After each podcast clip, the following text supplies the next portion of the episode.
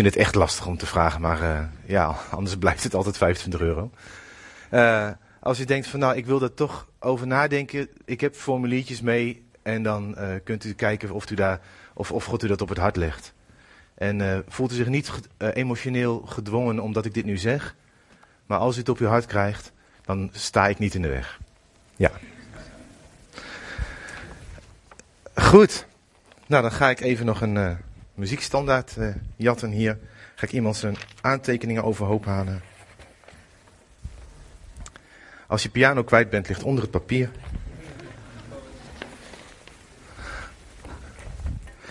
Um, ik ben ook wat verkouden. Dus ik zal uh, soms even een extra slokje water nemen.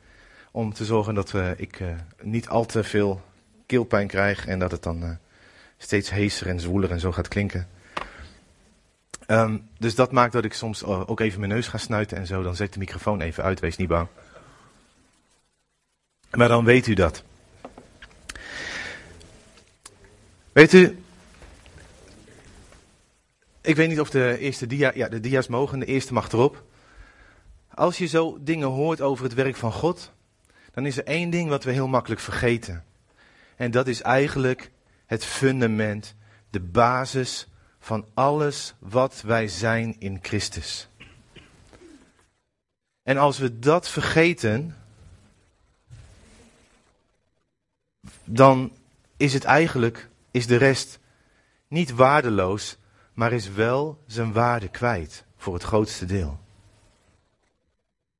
En daarom wil ik benadrukken dat wat ik in eerste instantie wil zijn, en dat is voor mij ook een zoektocht, is een kind van God. En de basis van waarom Jezus naar het kruis is gegaan, is zodat wij door zijn vergeving, door zijn offer, een kind van de Allerhoogste konden worden. Dat wij deel werden van het gezin. En dat ging dus niet om wat wij doen, dat gaat beseffen dat we kind zijn. En stel je voor, ik heb het wel eens eerder gezegd, dat ik allerlei klusjes voor mijn vader doe. Ik ga zijn auto wassen, zijn huis schilderen, zijn ramen wassen en alles. Maar ik connect nooit met hem als mijn vader, dan heb ik de essentie gemist. Dan kan het nog beter andersom zijn. Ook niet optimaal, maar dat we vooral kind zijn. Vandaar dat ik wil beginnen met. Ziet welk een liefde ons de Vader heeft gegeven dat wij kinderen Gods genoemd worden. En wij zijn het ook.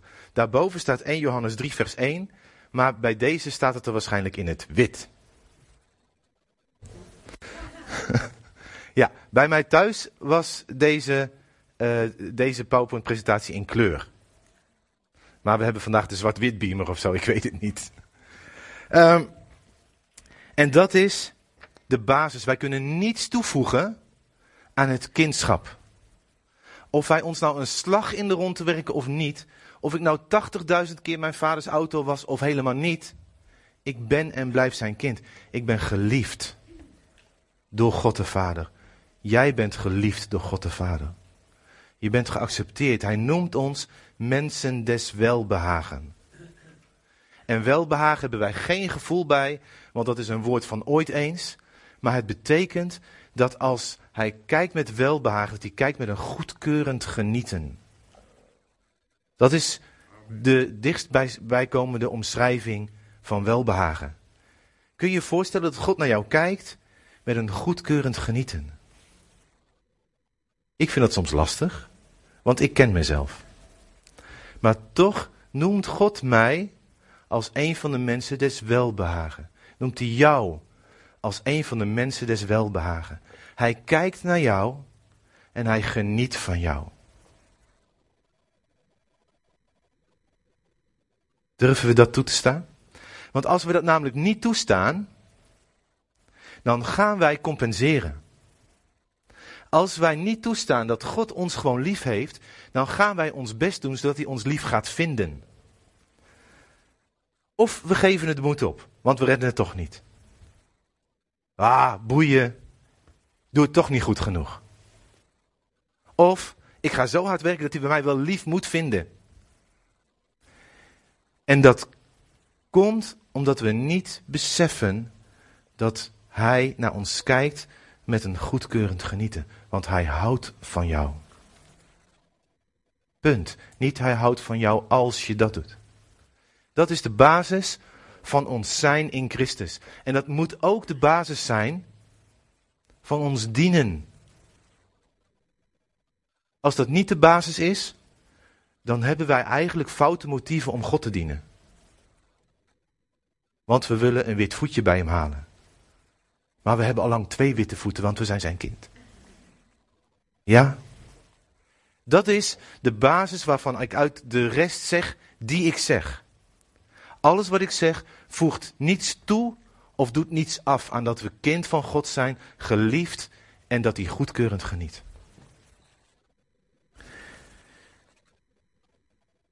De volgende tekst is een, ik vind het een bijzondere tekst. Dus die staat in Jezaja 46 vers 9. Kijk, zwarte letters. En daar staat, denkt aan hetgeen vroeger van ouds gebeurde. Ik immers ben God en niemand is mij gelijk. Wij zijn kind van God, maar wij zijn wel kind van het allerhoogste, grootste, machtigste wat er bestaat, ooit heeft bestaan en ooit zal bestaan. Niemand komt ook maar in de buurt van God. Niemand, als, als dit God is, dan is misschien het topje van het tapijt waar ooit de volgende komt. Om het even aan te geven. Niet in verhouding. Wij denken de strijd tussen goed en kwaad is een strijd van gelijken. Never. Never. God is God en niemand is aan hem gelijk. En dat is in welke de, eigenlijk de basis van de rest van de tekst die komt. En die staat op de volgende dia. Vers 10 en 11. Ik, die van den beginnen de afloop verkondig. En van ouds wat nog niet geschied is. Dit is apart.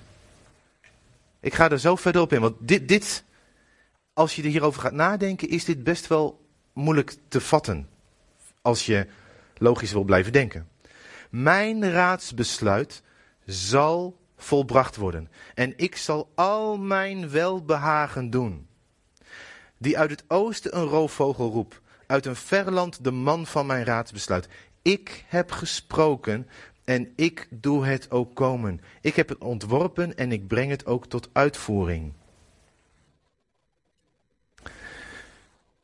God zegt hier, ik wist vanaf het begin wat er aan het eind zou gebeuren. Dat is apart. Dat roept een heleboel vragen op als je hier dieper op ingaat. Vragen als van, ja maar wat is dan wat anders kies?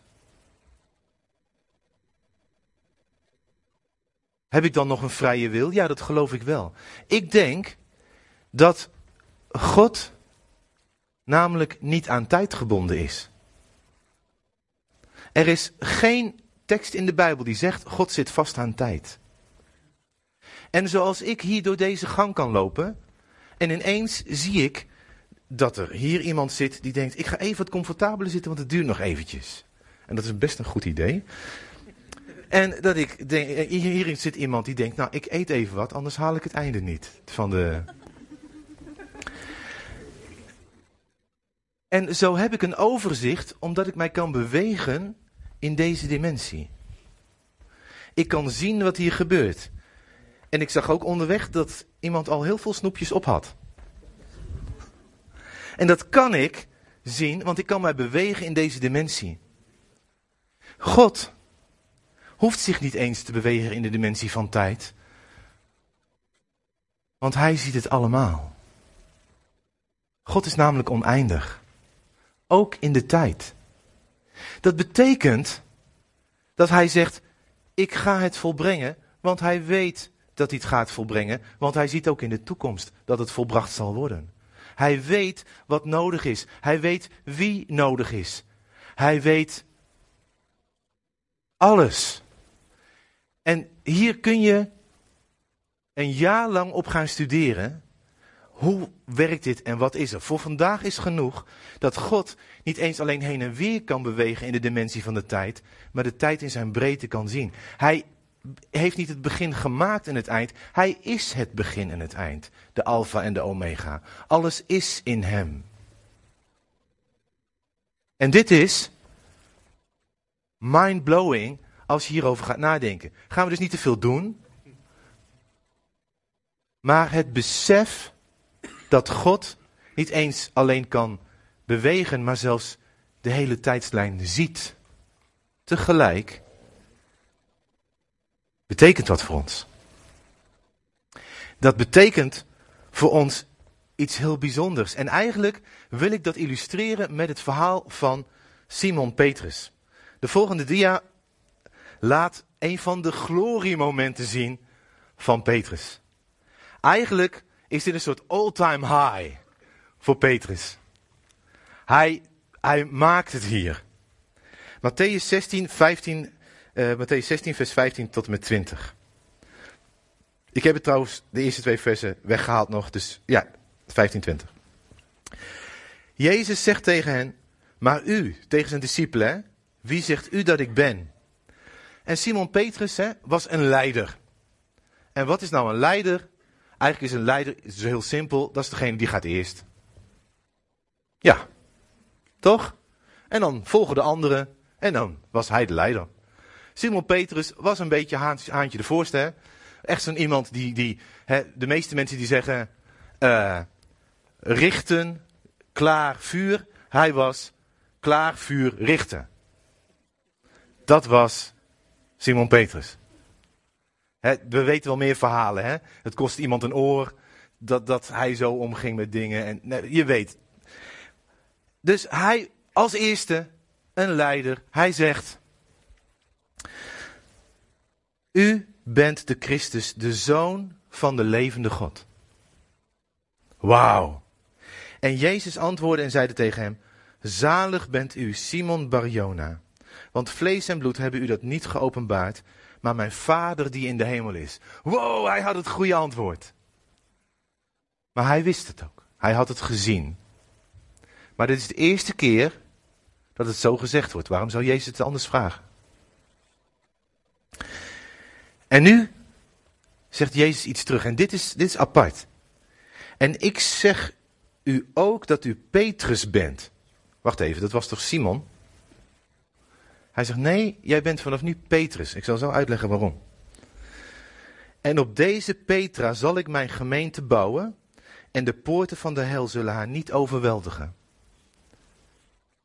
En ik denk dat het meer nog slaat op de, op de beleidenis, u bent Christus, dan op Petrus als persoon. De gemeente wordt gebouwd op de beleidenis, u bent de Christus. En ik zal u de sleutels van het koninkrijk de hemelen geven. En wat u bindt op aarde, zal u in de hemelen gebonden zijn. En wat u ontbindt op aarde, zal in de hemelen ontbonden zijn. En toen verbood hij zijn discipelen dat zij tegen iemand zouden zeggen dat hij Jezus de Christus was. Nou, dit was all-time high, hè?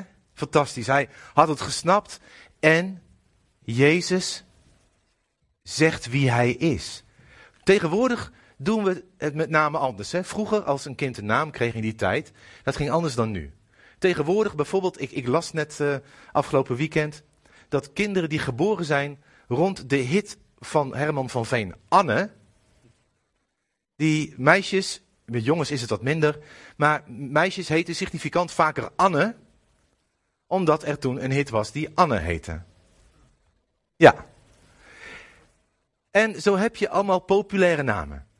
En je hebt de top 10 en die top 10 dat zijn de namen die in zijn en zo worden de namen gegeven. Ik heet Giovanni. Denk je, nou heeft hij dan een Italiaanse achtergrond? Nee, mijn ouders hadden een namenboek. Dat is echt waar. Op het laatst dachten ze, zullen we Harold of Giovanni doen? Ik ben gelukkig. Maar dat was niet omdat ze dachten, wat voor kind wordt dat?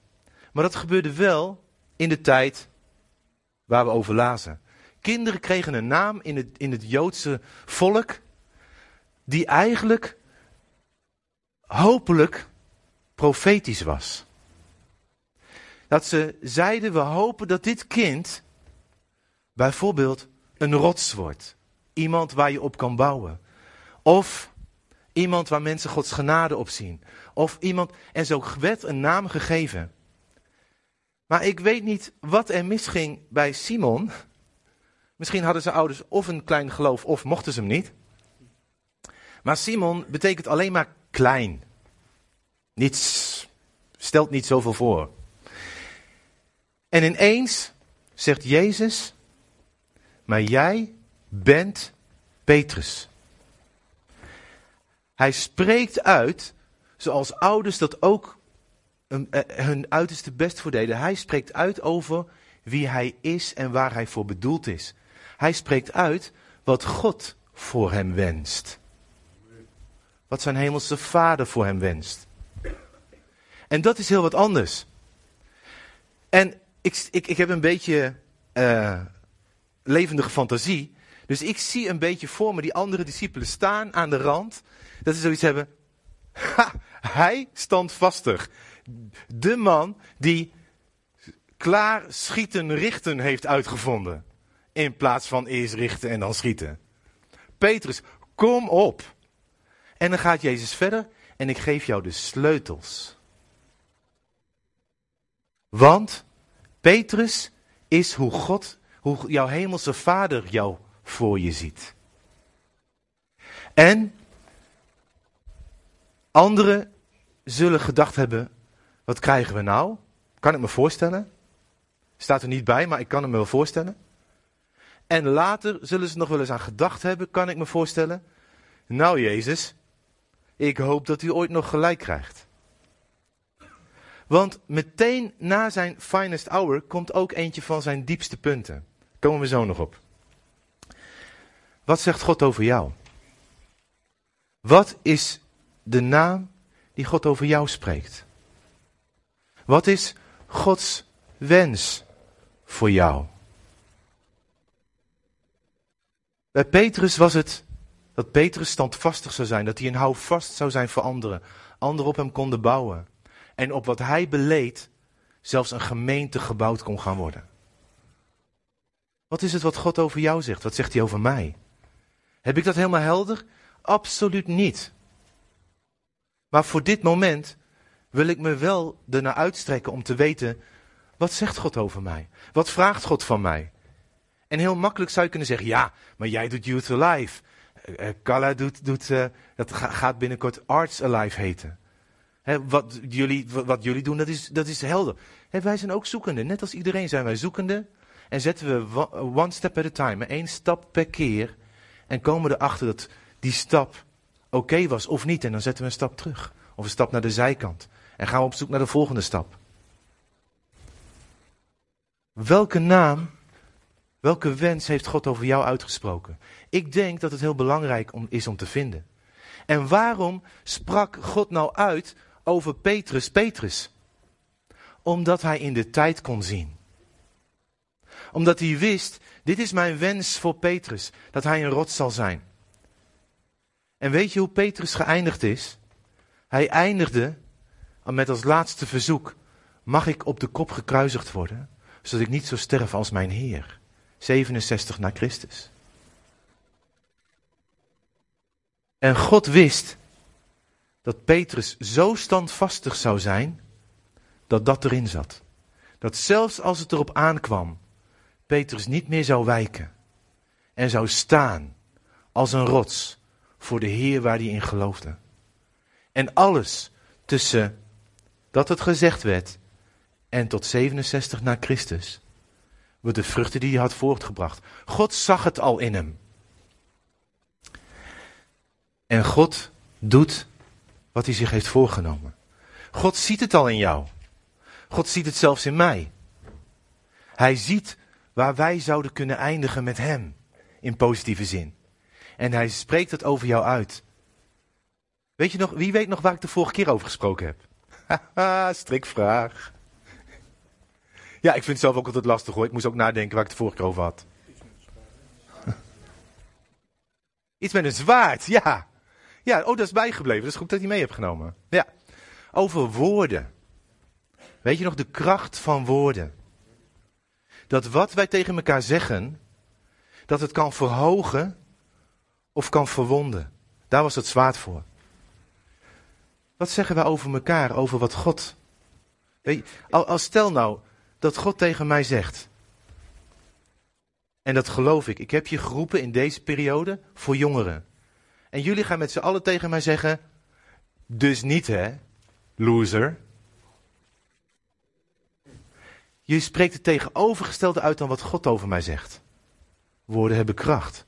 Dat is ontmoedigend. Dat, dat helpt mij niet om te ontdekken en te gaan voor wat God voor mij heeft. Hoe spreken we tegen elkaar?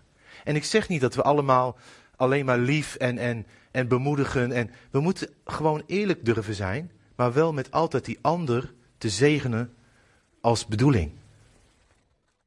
Hoe spreken wij tegen onszelf? Ik zeg geregeld tegen mijzelf dingen waarvan ik later weet dat ze niet in lijn liggen met wat God van mij vindt. Mij lukken dingen geregeld niet. Dan denk ik ook wel eens, loser. En dan neem ik mijzelf dat, en dan denk je, oh dat zegt hij nu omdat, nee dat zeg ik soms gewoon echt. Is dat geestelijk? Nee natuurlijk niet. Maar ik loop ook wel eens met mijn kop tegen de muur. En zeg ik dingen over mezelf waarvan ik eigenlijk weet dat ze niet in lijn liggen met wat God over mij zegt. Daar moet ik in leren. En, ik geef, en daarna zeg ik tegen mezelf, oh Joe, dat moet je niet zeggen, suk. Oh, wacht even. Um, hè, dus ik leer, work in progress. Een huis wat gebouwd wordt, werd, werd vanochtend gezegd, weet je nog? En dan, en serieus, dit is gewoon het vers wat erna komt, de volgende dia. Matthäus 16, we zijn gestopt bij vers 20, we gaan verder met vers 21. Je weet het hè, Matthäus, of uh, Petrus, all time high, hij wordt gezegd, Petrus, rots, gemeente bouwen, sleutels koninkrijk, binden, ontbinden, dit is jouw ding. Jezus zelf zei dat. En daar gaat hij. En toen, van toen aan begon Jezus zijn discipelen te laten zien dat hij naar Jeruzalem moest gaan en zou moeten lijden van die kant van de oudsten en van de overpriesters en de schriftgeleerden. En dat hij gedood zou worden en op de derde dag zou worden opgewekt. Hij had het dus allemaal verteld, hè? Kom Petrus aan. De discipelen zijn dus geschokt, hè? Dit was niet de bedoeling, want ze dachten nog, ook in hun, in hun systeem zat ook nog de mogelijkheid, wij gaan een koninkrijk hier stichten. Dus de discipelen beginnen te panieken een beetje en Petrus zegt, hey guys, ik regel dit. Ik regel dit, want weet je, hij heeft over mij gezegd, komt goed. Dus hij gaat naar Jezus toe en hij zegt, Jezus, dit is even mijn fantasie hè. Jezus, nu gaan we even zitten. Even over het lijden en sterven gedoe. Even voor alle duidelijkheid. Daar beginnen we niet aan. Gaan we niet doen. Dat is geen goed idee. Jezus zegt, oh goed dat je het zegt. hey, bedankt uh, Petrus. hey, box. Top, oh gelukkig. Nee hè? Bijna echt vlak na zijn all-time high, komt zijn een van de all-time low. Hè? Petrus nam hem apart, hè? Hey, Jezus, nou ga even zitten. Dit uh, gaan we niet doen. En begon hem te bestraffen. Hè, ik, ik doe het nog zachtjes. Hij begon, uh, Jezus, kappen hiermee. Doen we niet. En geestelijk, hè? God zij u genadig, heren, dit zal beslist niet met u gebeuren. Jezus keert zich om en zei tegen Petrus, ga weg achter mij, Satan.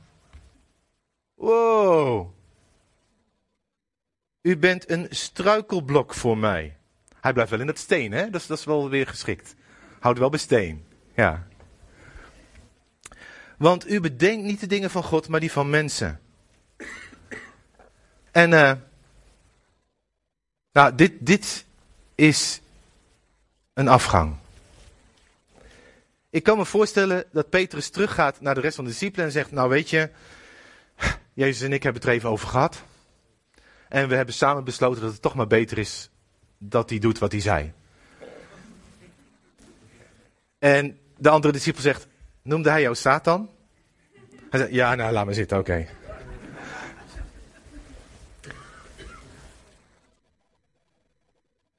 En weet je wat er nou niet gebeurt? Jezus zegt niet, en geef me de sleutels trouwens maar terug. Jezus wist dat dit kon gebeuren. Hij wist dat Petrus niet perfect was. Hij wist dat Petrus vaak schoot voordat hij had gericht. En toch wist hij, in de, wist hij waar het zou eindigen. Iemand die ervoor stond om als het erop aankwam voor Jezus zelfs te sterven. En daarom wist hij, ik heb een roeping voor jou en ik heb een naam voor jou. En dat haalde hij niet terug toen het even misging. Want Jezus wist. Als ik dan kijk naar jou en naar mij, heeft God geloof ik over ieder van ons gezegd, of we dat verstaan hebben of niet, of een beetje of veel, of alles ertussenin, dat hij een doel met jou en mij heeft. Dat hij een doel heeft wat bij ons past. Dat hij een doel heeft waar hij ons voor gemaakt heeft. En dat klinkt heel verheven. Ik ga er zo, ik, ik hoop dat ik het zo wat tastbaarder kan maken. Maar dat doel, dat heeft hij gezegd omdat het kan. Want hij weet wie jij bent. Hij weet waar je van gemaakt bent. En hij weet waar het kan eindigen in positieve zin. En ook hier neemt hij de sleutels niet af. En God heeft hem ook gegeven wat nodig was. Eigenlijk hebben we het hier over bestemming. Waar ben jij voor gemaakt? En waar zijn wij voor gemaakt? Ik hoorde laatst iemand dat op een hele mooie manier zeggen. Wij zijn gemaakt om vrucht te dragen. Soms verwarren we dat met dat we gemaakt zijn om heel veel boom voort te brengen. Het gaat om mij, de boom. Nee, het gaat om de vrucht van het koninkrijk. Dat is ontspannen. Dat betekent dat ik mijn ego niet hoef te boosten. Dat ik niet mij heel erg druk hoef te maken over mijn positie. Maar dat ik mij druk moet maken over draag ik vrucht. En welke vrucht vraagt God mij te dragen. Ik ben dus niet geroepen om boom voor te brengen. Ik ben geroepen om vrucht voor te brengen. En wat is dan de vrucht die God mij vraagt om te dragen? Nou, heel vaak is dat een vrucht die dicht bij ons hart ligt. Misschien heb je de preek wel eens gehoord van Nehemia. Dat Nehemia, dan moet een muur herbouwd worden. En wat doet hij? Hij zet de mensen aan het werk dicht bij hun huis. Want daar ligt hun hart. God zet, heeft ons gemaakt met een passie. Mijn passie is mensen zien komen in waar God ze voor geroepen heeft. Dus wat mag ik doen? Hé, hey, dat is toevallig. De passie van mijn vrouw is kunst zo krachtig door God zien gebruikt te worden, dat mensen een, een ontmoeting met Jezus hebben. Hey, dat is toevallig. Wat doet ze? Iemand zei een keertje, als je wil weten waar je roeping ligt, what makes you smile and what makes you cry? Waar word je gelukkig van als het wel gebeurt en wat breekt je hart als het niet gebeurt? Mijn hart breekt als ik mensen zie waarvan soms God iets laat zien van hun roeping en ik zie ze valikant de verkeerde kant op gaan. Dat breekt mijn hart. En het tegenovergestelde, daar kan ik zo van genieten. En dan is de vraag, wat mag het kosten? Wat mag het kosten?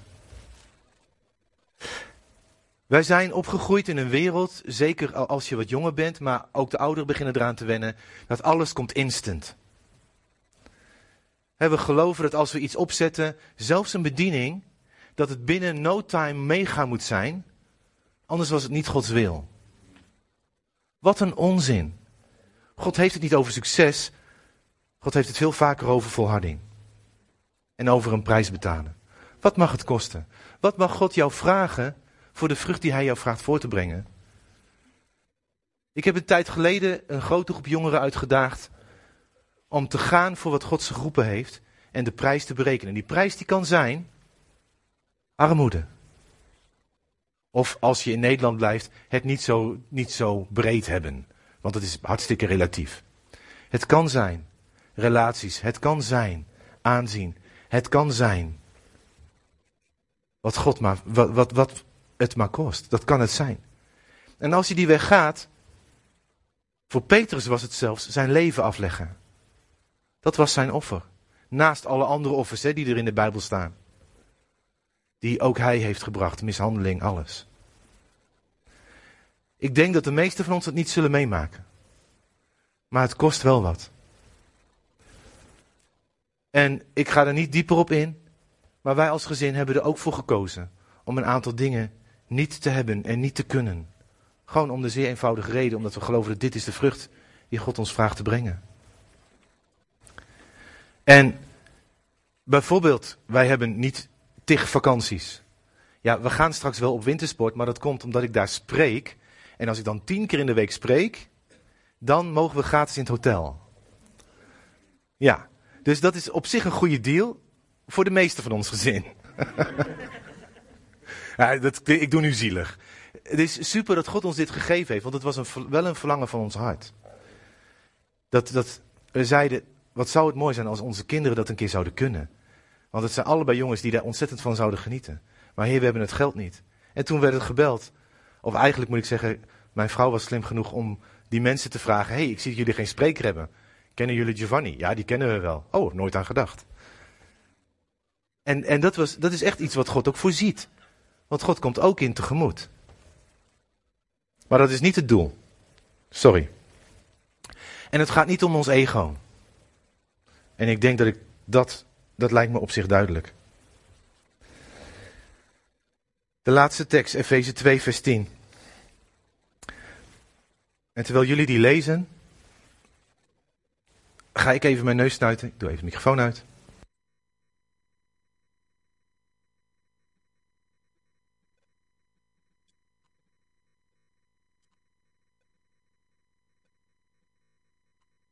Ben ik, ja, ik ben weer in de uitzending.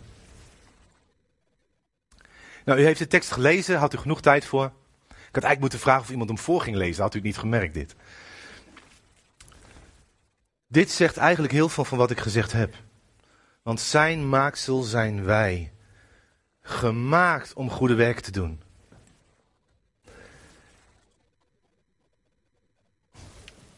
Nou ben ik natuurlijk even de naam van de schrijver kwijt, maar wij lezen wel eens thuis een boekje na het eten.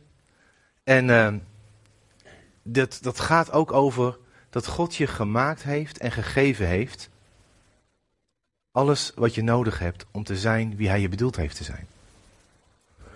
En uh, die, dat is ook zo'n man die heeft, heeft verhalen getekend en zo. Ik kom even niet op zijn naam. Komt zo meteen wel weer. Nee, nee, nee, een, een Amerikaan uh, is het uh, volgens mij. Ja, met, met van die stickers. Lucado. Ja, volgens mij Lucado, ja. En die uh, heeft het, dank jullie wel. En die zegt, God heeft je een koffer gegeven. En die koffer, daar zit alles in wat je nodig hebt. Dat is eigenlijk wie je bent. Er zit in je talenten, je passies. Gewoon wat je, wat je, waar je goed in bent. En hij zegt, wat we doen, is dat we proberen uit andermans koffer te leven. Door wat de wereld van ons verwacht. Maar God heeft ons een eigen koffer gegeven, een eigen bagage, waar eigenlijk, eigenlijk kun je beter zeggen, een eigen erfenis. Waarin zit wat we nodig hebben. Waarin zit wat we kunnen ontwikkelen. Wat we nodig hebben om te zijn wie God ons bedoeld heeft te zijn. Ik zei ik, geef, uh, ik ondersteun en geef natuurkunde in de onderbouw. Vind ik hartstikke leuk. Ik mag kinderen onder stroom zetten. Ja, heb ik laatst op de zondagschool ook gedaan. Ja, heb ik ook kinderen onder stroom gezet. En ze leefden allemaal nog, toch? Ja. Ja, het is nu wel heel stil. Ja, ik begin te, te vrezen. Maar waarom vind ik dat zo leuk? God heeft mij een beetje een analytisch ge, uh, denken gegeven. Ik vind het leuk om dingen te analyseren. En ik vind het leuk om dingen die abstract zijn, proberen tastbaar te maken. Dat vind ik, dat, dat vind ik zo leuk. Als dan zo'n leerling dat begrijpt, wauw, dan heb ik, heb ik een goede tijd. Zo heeft God mij bedraad. Zo zijn mijn draadjes aangesloten.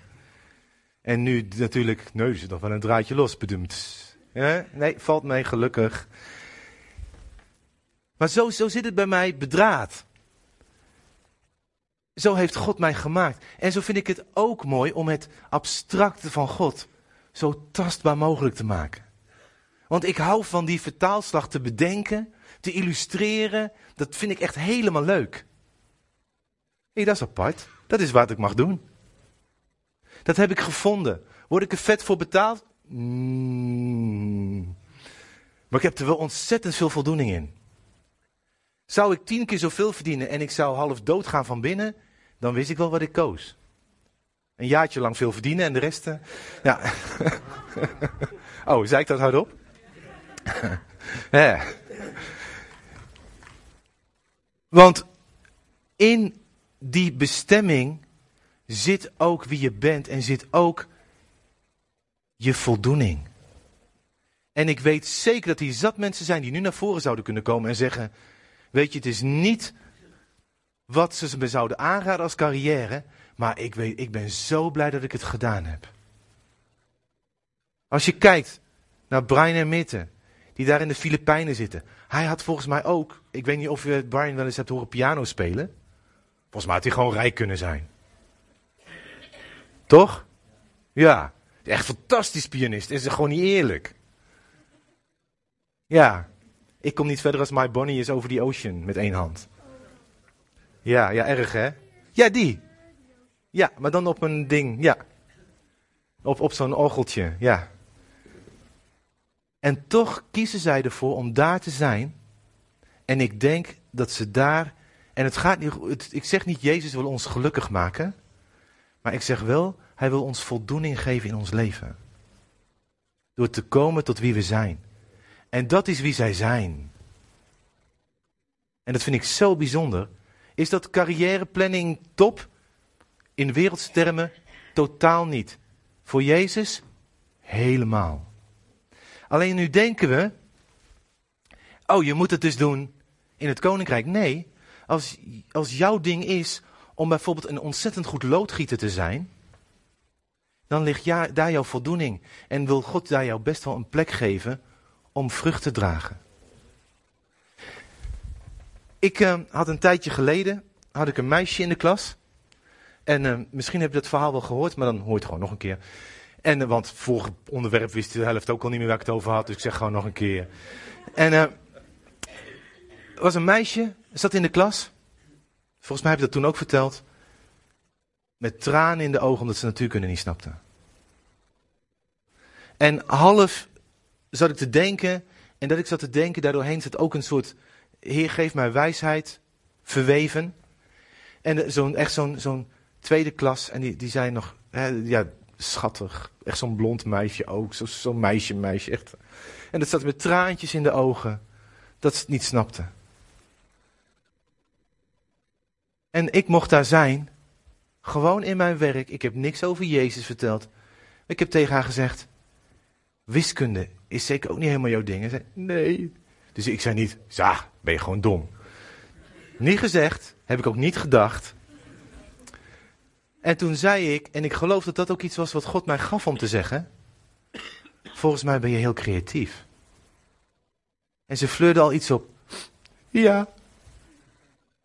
En toen zei ik tegen haar, en ik heb nog steeds zoiets, waar haalde ik die wijsheid vandaan? Ik zei, dan ben jij dus slim op een andere manier. En je zag haar weer wat bijkomen. En toen heb ik gezegd, en nu ga ik het je uitleggen op een manier die, voor, die, jij, die bij jou wel past. En ik heb het uitgelegd met een tekeningetje, met iets wat een beetje haar creatieve denken aansprak. En ze ging weg. Zij voelde zich niet dom. Zij voelde zich niet falen. En ze ging weg en ze begreep wat er was. Dit heeft God mij gegeven als vrucht. Heb ik Jezus genoemd? Nee.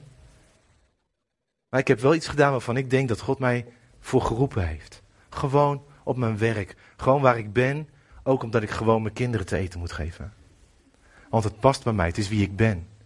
Zo heeft God jou op een plek gezet waar je kan functioneren en waar je een zegen kan zijn.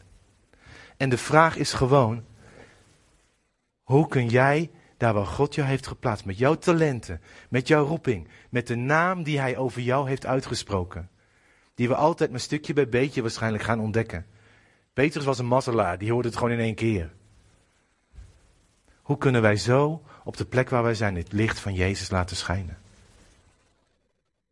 En natuurlijk probeer ik ook om soms met een leerling te kijken of ik iets over Jezus kan vertellen of iets van Jezus kan laten zien.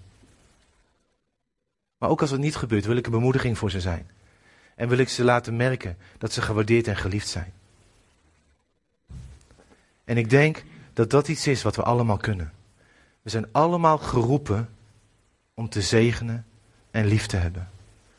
En wat ik al zei, die grote naam over ons, God die weet wat uitkomt, dat ontdekken we ook stapje voor stapje. En soms een stapje terug en een stapje bijsturen. Maar als we blijven staan, komen we er nooit achter.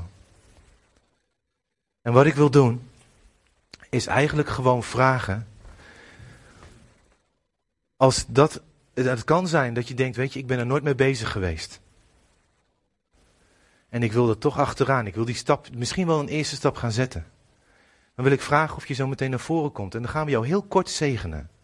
Dit gaat niet aankomen op een lang gebed. Dan zegenen we jou kort en dan gaan we dat gewoon over jou bidden. Misschien in een paar zinnen maar, maar daar komt het niet op aan.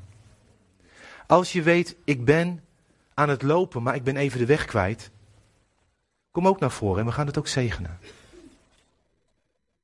Als je denkt, ik ben totaal de weg kwijt, ik ben er niet meer mee bezig, maar ik weet dat God mij eigenlijk wel geroepen heeft, dan wil ik ook dat je komt en dat je je gewoon, en ik, ik geef het even een iets zwaardere titel, maar dat doe ik met opzet, dat je je bekeert van gewoon een kant oplopen terwijl je geen clue hebt. En dat je dat bewust hebt gedaan. Want ik geloof dat God heeft jou een koffer gegeven, heeft jou gemaakt met in gedachten zijn mooie werken, zijn goede daden. Als je het prettiger vindt, of net zo prettig vindt, om naar iemand anders te gaan die je heel erg vertrouwt, of waarmee je al lang in dat proces zit, en samen te bidden.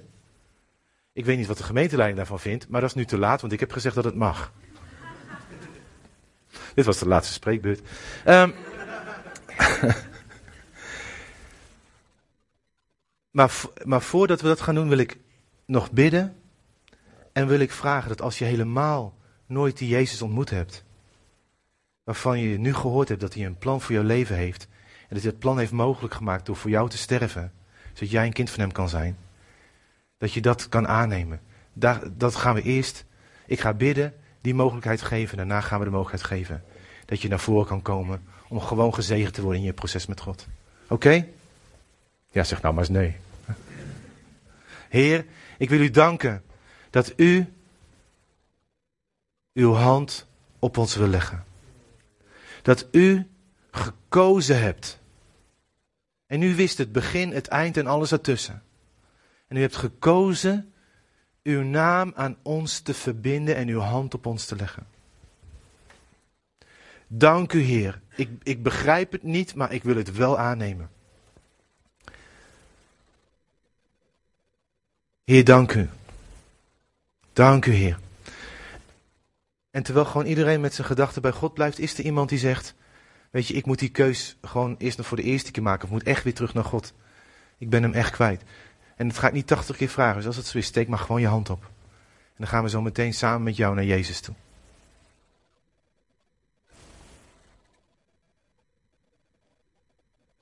Is er iemand? Dan gaan we verder.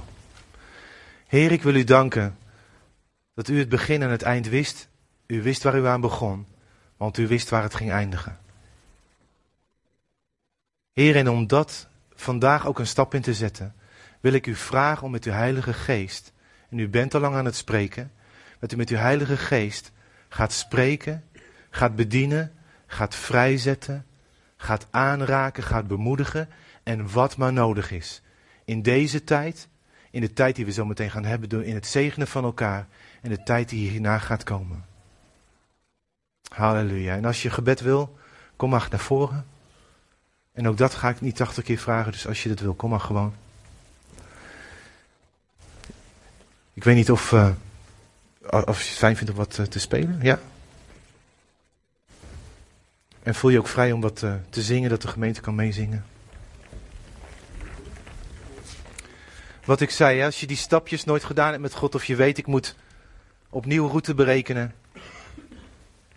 of ik ben de weg helemaal kwijt, kom maar gewoon. En we hebben het allemaal nodig eens in de zoveel tijd. Dus daar is niks uh, slechts aan.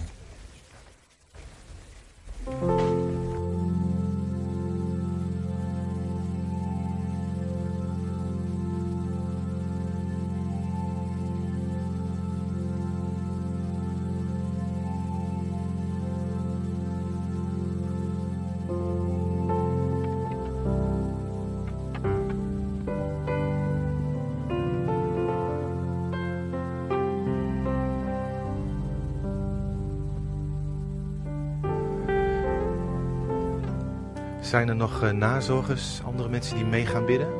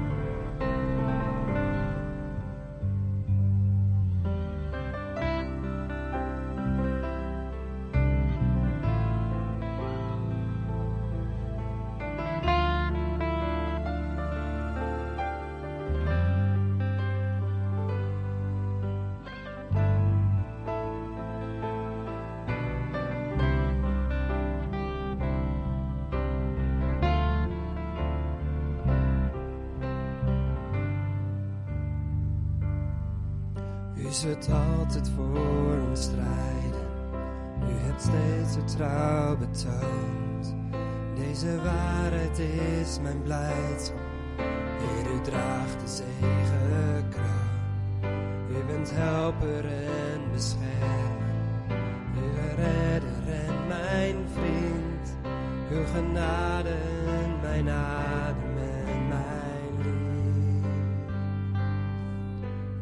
grootheid wordt bezongen, wil ik knielen voor uw troon. Waar u bent en de onrust, want u draagt de zegenkroon. Vul dit huis met uw glorie, vul ons hart met eeuwig vuur. Uw genade en mijn adem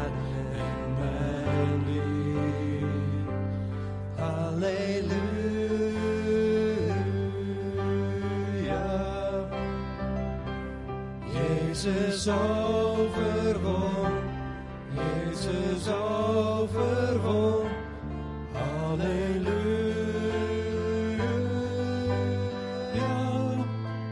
Prijs hem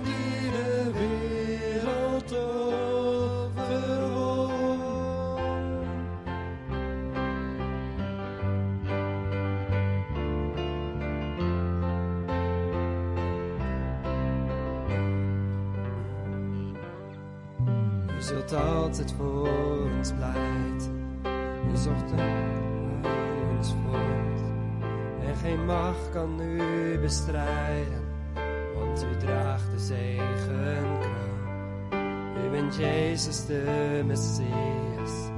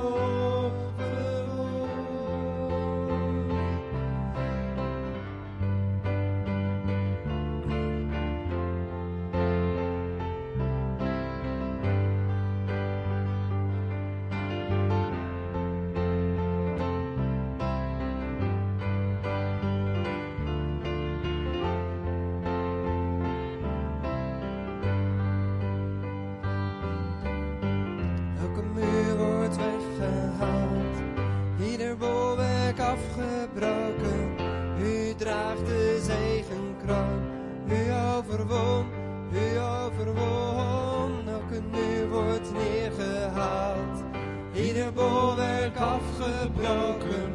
U draagt de zegenkroon, u overwon, u overwon. Elke muur wordt neergehaald. Ieder bolwerk afgebroken, u draagt de zegenkroon. U overwon, u overwon,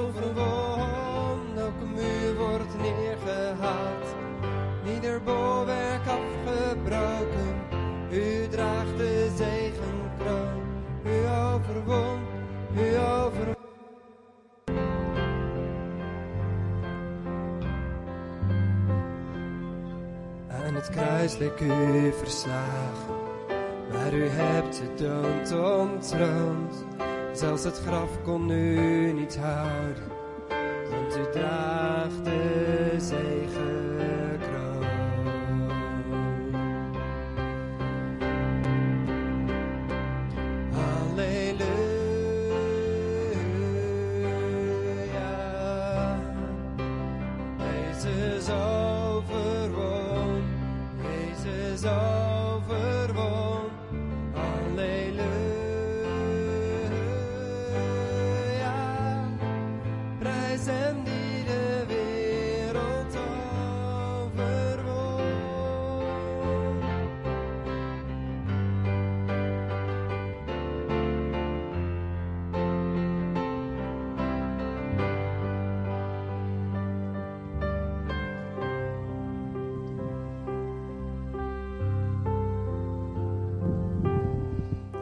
Voor ieder die nog op bed wil, ik wil je echt van harte uitnodigen. Kom naar voren.